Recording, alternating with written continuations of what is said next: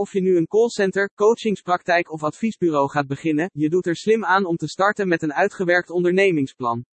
In een ondernemingsplan, ook wel businessplan of bedrijfsplan genoemd, beschrijf je op gedetailleerde wijze waar de kansen en bedreigingen van je toekomstige bedrijf liggen in de markt. Zo maak je helder waarin je onderscheidend vermogen ligt ten opzichte van de concurrentie en beschrijf je welk verdienmodel je gaat hanteren in de praktijk. Met een ondernemingsplan kan je makkelijk anderen informeren over je plannen, zoals banken of investeerders.